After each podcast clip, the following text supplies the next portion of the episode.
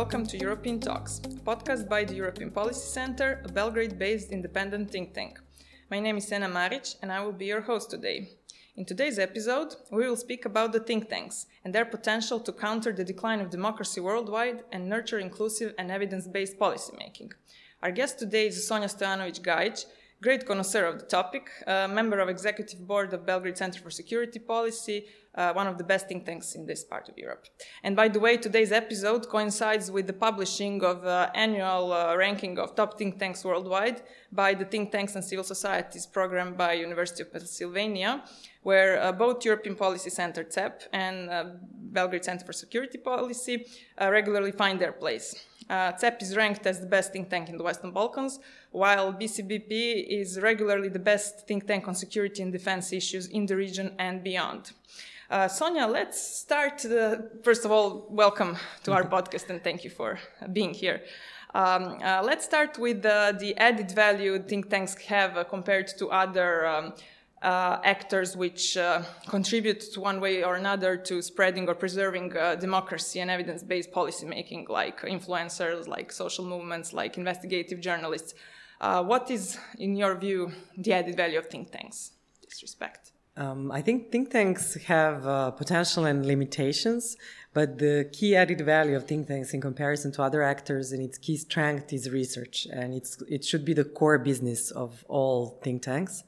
Uh, think tanks in our part of the world are more grounded in civil society because we came from civil society. In other parts of the world, they might have been established by rich founders or so on. So I think they're closer to what's going on in society. Uh, but with today's issues of um, distrust of citizens in institutions and perception of institutions not delivering representation and voice, uh, I think think tanks are perceived as a part of the problem, part of the elites that are to blame for inequalities and um, this lack of voice in political processes. So my uh, conclusion would be that think tanks' added value is to do research, but with a different angle if they want to make a difference. Mm-hmm. And um, I, there are two things I, uh, I think they should focus on. First is uh, they could provide the context, the bigger picture, or connect the dots. Mm-hmm. An example I want to highlight as especially powerful is the one from South Africa, mm-hmm. uh, which is the only country which has officially been recognized as a country that experienced state capture, although this process is way more widespread and very present in our region. And this process didn't happen overnight. And there were a mm-hmm. number of investigative journalists, um, individuals, whistleblowers highlighting cases uh, of serious corruption, undermining and changing rules of the game for the benefits of the few in the political party and Gupta family.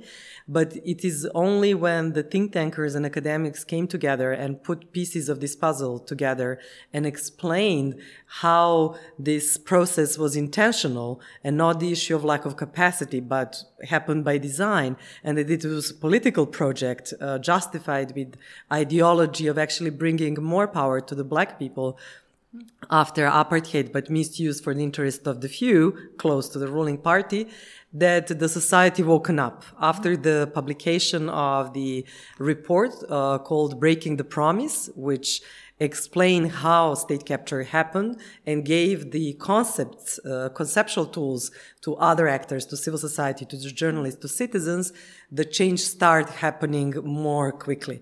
So I think this is the role for think tanks to put the pieces of puzzle together and to help other actors uh, get the voice. Mm-hmm. The other uh, role is to bridge between the politics and uh, citizens, as we've discussed this morning uh, or the public. So it's less just to do technical things, and we as we were used to in the past, and more to help translate the grievances of citizens and causes of their grievances to the politicians and link it to these technical issues and vice versa. And in this regards, I think think tanks have to expand the portfolio of evidence that they take into account besides statistics, uh, uh, specific cases, I think uh, emotions, mm-hmm. behaviors, culture, narratives are important things to take into consideration. And I'll just give one practical example. Um, narratives and self-understanding of nations. I think international Mm-hmm. relations as a specific policy area is one where this kind of evidence plays even more important role. I've Mm-hmm. been sitting in a number of meetings among the representatives of the West and East, diplomats, think tankers, where you uh, hear people literally speaking in English but speaking different languages because they don't hear the emotion of the other. Um, and one of the points made well by one of the Western experts on Russia is that it's important to understand their narrative of a leader, so the status they want to be perceived in, um, and how they have been a victim of the liberal Western system. Uh, not to give them excuse to do bad things, but to recognize what's their emotional need and then engage on concrete things. So mm-hmm. these would be the two examples of what I was talking about, giving a bigger picture and mediating between politics and citizens, including uh, talking about emotions. Yeah, that's what you exactly mentioned this morning that emotions should be taken as evidence when producing our research products. Uh, uh, does this mean that maybe that uh, we in the think tank community lack of uh, psychologists, of ethnographers? That's what you also mentioned. How then to, to grasp this part which might be missing from our usual suspect think tank community when Uh, I think it be great emotions. to develop this kind of um, way of knowing, ethnographic view, um, and hire ethnographers. But uh, if that's not possible, I think the big change that should uh, happen is for us to listen more before giving advice. So more of engagement uh, in listening. What are the things that concern people? What are the stories, metaphors they use? Um, what are the missing pieces of information that they were not given or not uh, being explained to? Um, connect the people that do not talk to each other. I think this is more and more role of uh, think tankers so more listening uh, before advising That's what, what you mentioned together with the example from South Africa. Um, uh, I guess um, feeds into the answer to the question how to rebuild or to uh, establish trust uh, uh, that think tanks lack uh, uh, in the eyes of the citizens and of um, the, the, the constituencies. Um, Can you add maybe something more on this specific limitation that you have noticed on think tanks worldwide? That there's this uh, that they're perceived as part of the elite, and then there's uh, huge mistrust. Uh, I think the uh, transparency is important. That organizations are transparent about who they are, where they come from, why they do what they do, on whose behalf, uh, and uh, but also this engagement with people who they want to serve.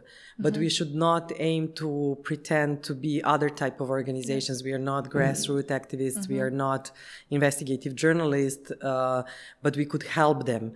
Uh, so we should also ac- acknowledge our limits and uh, do more partnerships uh, with other groups. Uh, And as I said, be more humble and listen and engage um in discussions. Uh, I think important point from this morning's discussion is that no issue should be taken as sacred cow or something that should not be open. Even the issues like democracy or joining the EU that many of us advocate for should be critically examined because no issue is just white or just black. Uh, and by recognizing that there are limitations to our proposals and that we can understand uh, people who have different arguments and emotions or other reasons why they have these arguments, we open a space for discussion. Um, I've, I would give another example from Latin America, uh, which is also a polarized region as ours, where think tankers, for example, helped before the elections by engaging first separately with different political parties and then bringing them together again behind the closed doors so not as a pr opportunity but actually creating a safe space for discussions so this is not direct engagement with citizens but it is engagement with political actors and helping a space where those that have a very different conflictual views can actually agree on things um, not on everything, but what are, for example, scenarios that nobody wants to see? Then you take that uh, off the agenda and then you may create an options and uh, put that uh, to also contribute to the electoral uh, process. Mm-hmm. I found an interesting quote which says that the real agents of change appear to be the doers, not the thinkers. And from the example you gave, it seems that this uh, Latin American think tank was both the doer and the thinker. Um, uh, to what extent do you agree with this with this claim? what approach is then? Should the think tanks use mm-hmm. to increase their relevance? Uh, it's from our friends Enrique Mendizabal, mm-hmm. uh, a guru of uh, on think tanks uh, blog um, article, which I highly recommend to everyone to read. Mm-hmm. Um, I would uh, greatly agree with this statement. I think uh, today in Serbian society, change makers are people defending the water in uh, Stara Planina mm. or people who are using their bodies to protect uh, people who are going to be um, evicted from their homes from the groups like uh, Krov nad glavom or whistleblowers like Alexander Obradovic. Uh, but that doesn't mean that there is no role for uh, think tanks. Um, again, it depends on what is the uh, theory of change of a think tank organization. I don't think everybody should do everything, but those that care about democratic processes should land and um, contribute with the research and skills the think tankers have to the activists and doers. Mm-hmm. And I'll give examples from Belgrade Center for Security Policy. Mm-hmm. Um, we were approached by um, activists, by journalists that were under attack with questions what what is what they could expect or what could they demand from police or what to do when uh, somebody is trying to kidnap you like the case of Ksenia from Ne davimo Beograd who uh, a group of people tried to uh, put in a car. And these were the questions that we as a think tank dealing with uh, accountability of security institutions didn't have ready-made answers. So we, then we decided instead of being reactive in trying to find solutions for particular cases, let's try proactively uh, to provide support to activists. And mm-hmm. then we realized our added value is in creating a credible evidence. So we mm-hmm. documented and did a typology of threats that the activists were exposed to. Uh, and my colleague Isidora uh, Stakic has published two excellent reports, uh, mm-hmm. one on general threats to different kinds of activists and one case study exactly of this group, uh, Krov that protects people from evictions. Again, linked to our topic, and this is what are private security companies doing in endangering uh, people and activists? What is police doing or not doing, which seems to be more of a problem these days, mm-hmm. and how the uh, changes of legislation, which were designed with the purpose to privilege certain groups and disprivilege ordinary people that are being evicted, are now misused mm-hmm. for security governance in these particular cases. Mm-hmm, mm-hmm. Um, uh, Sonia, as someone, as a doyen in uh, Serbian civil society, uh, you recently left the post of executive director of, um, uh, of Belgrade Center for Security Policy, and now it seems you're engaged in many different uh, uh, spheres. could you tell us a bit more what you've been doing these days and what are your plans? My major plan was to slow down, mm-hmm. and I really enjoy in um, having less responsibility than my successor, Igor Bandovic, who took over a very challenging job mm-hmm. at this particular mm-hmm. moment. Um, so, which gives me more time to think and research and reflect. But I've been engaged uh, more or less with three teams, both in the region and abroad. Mm-hmm. And these, as you could guess from my um, speech so far, are mm-hmm. state capture, public engagement on uh, security oversight, and then a dialogue uh, between different groups. So in next year or so on state capture, uh, together with colleague uh, Professor Dusan Pavlovic, uh, will be um, designing an academic event of the 10th uh, Belgrade Security Forum, uh, which is going to be on the topic of security and state capture. And we want to see how uh, researchers in different parts of the world have analyzed these processes, what have been solutions, so also to help uh, and engage academics with policymakers in this region. Mm-hmm. Um, the other thing related to state capture that I'm engaged with is in partnership with On Think Tanks. Mm-hmm. Um, in Berlin conference in April, we will launch a global community of practice um, on a topic of think tanks and state capture because mm-hmm. what we realized is that it's unique context that is rarely discussed. Mm-hmm. Usually, um, when uh, NGOs or donors were discussing different contexts, they talked about authoritarian, post-conflict, developmental, but state capture as a context which officially is democracy, but is democratic legal processes are misused is dif- difficult to comprehend and difficult to operate in. Mm-hmm. So we want to have a discussions once a month over a period of a uh, um, few months among think tankers from different continents to see what have been the patterns. Can we mm-hmm. identify some early warning signals of state capture and what have been the strategies of think tankers to um, engage both research wise, advocacy wise, but also survival or uh, resilience wise mm-hmm. um, in this difficult context of state capture. So this is a one theme. The other theme, as I've mentioned, is public engagement mm-hmm. in uh, security oversight. Mm-hmm. I'm um, engaged as a consultant advising. Uh, mostly abroad um, in countries which are already uh, only developing this capacity, mm-hmm. uh, but also researching how civil society organizations have done it in other continents, so not just the Balkan region that mm-hmm, I know mm-hmm, well. Mm-hmm. And last but not the least, as I mentioned, the dialogues are my thing.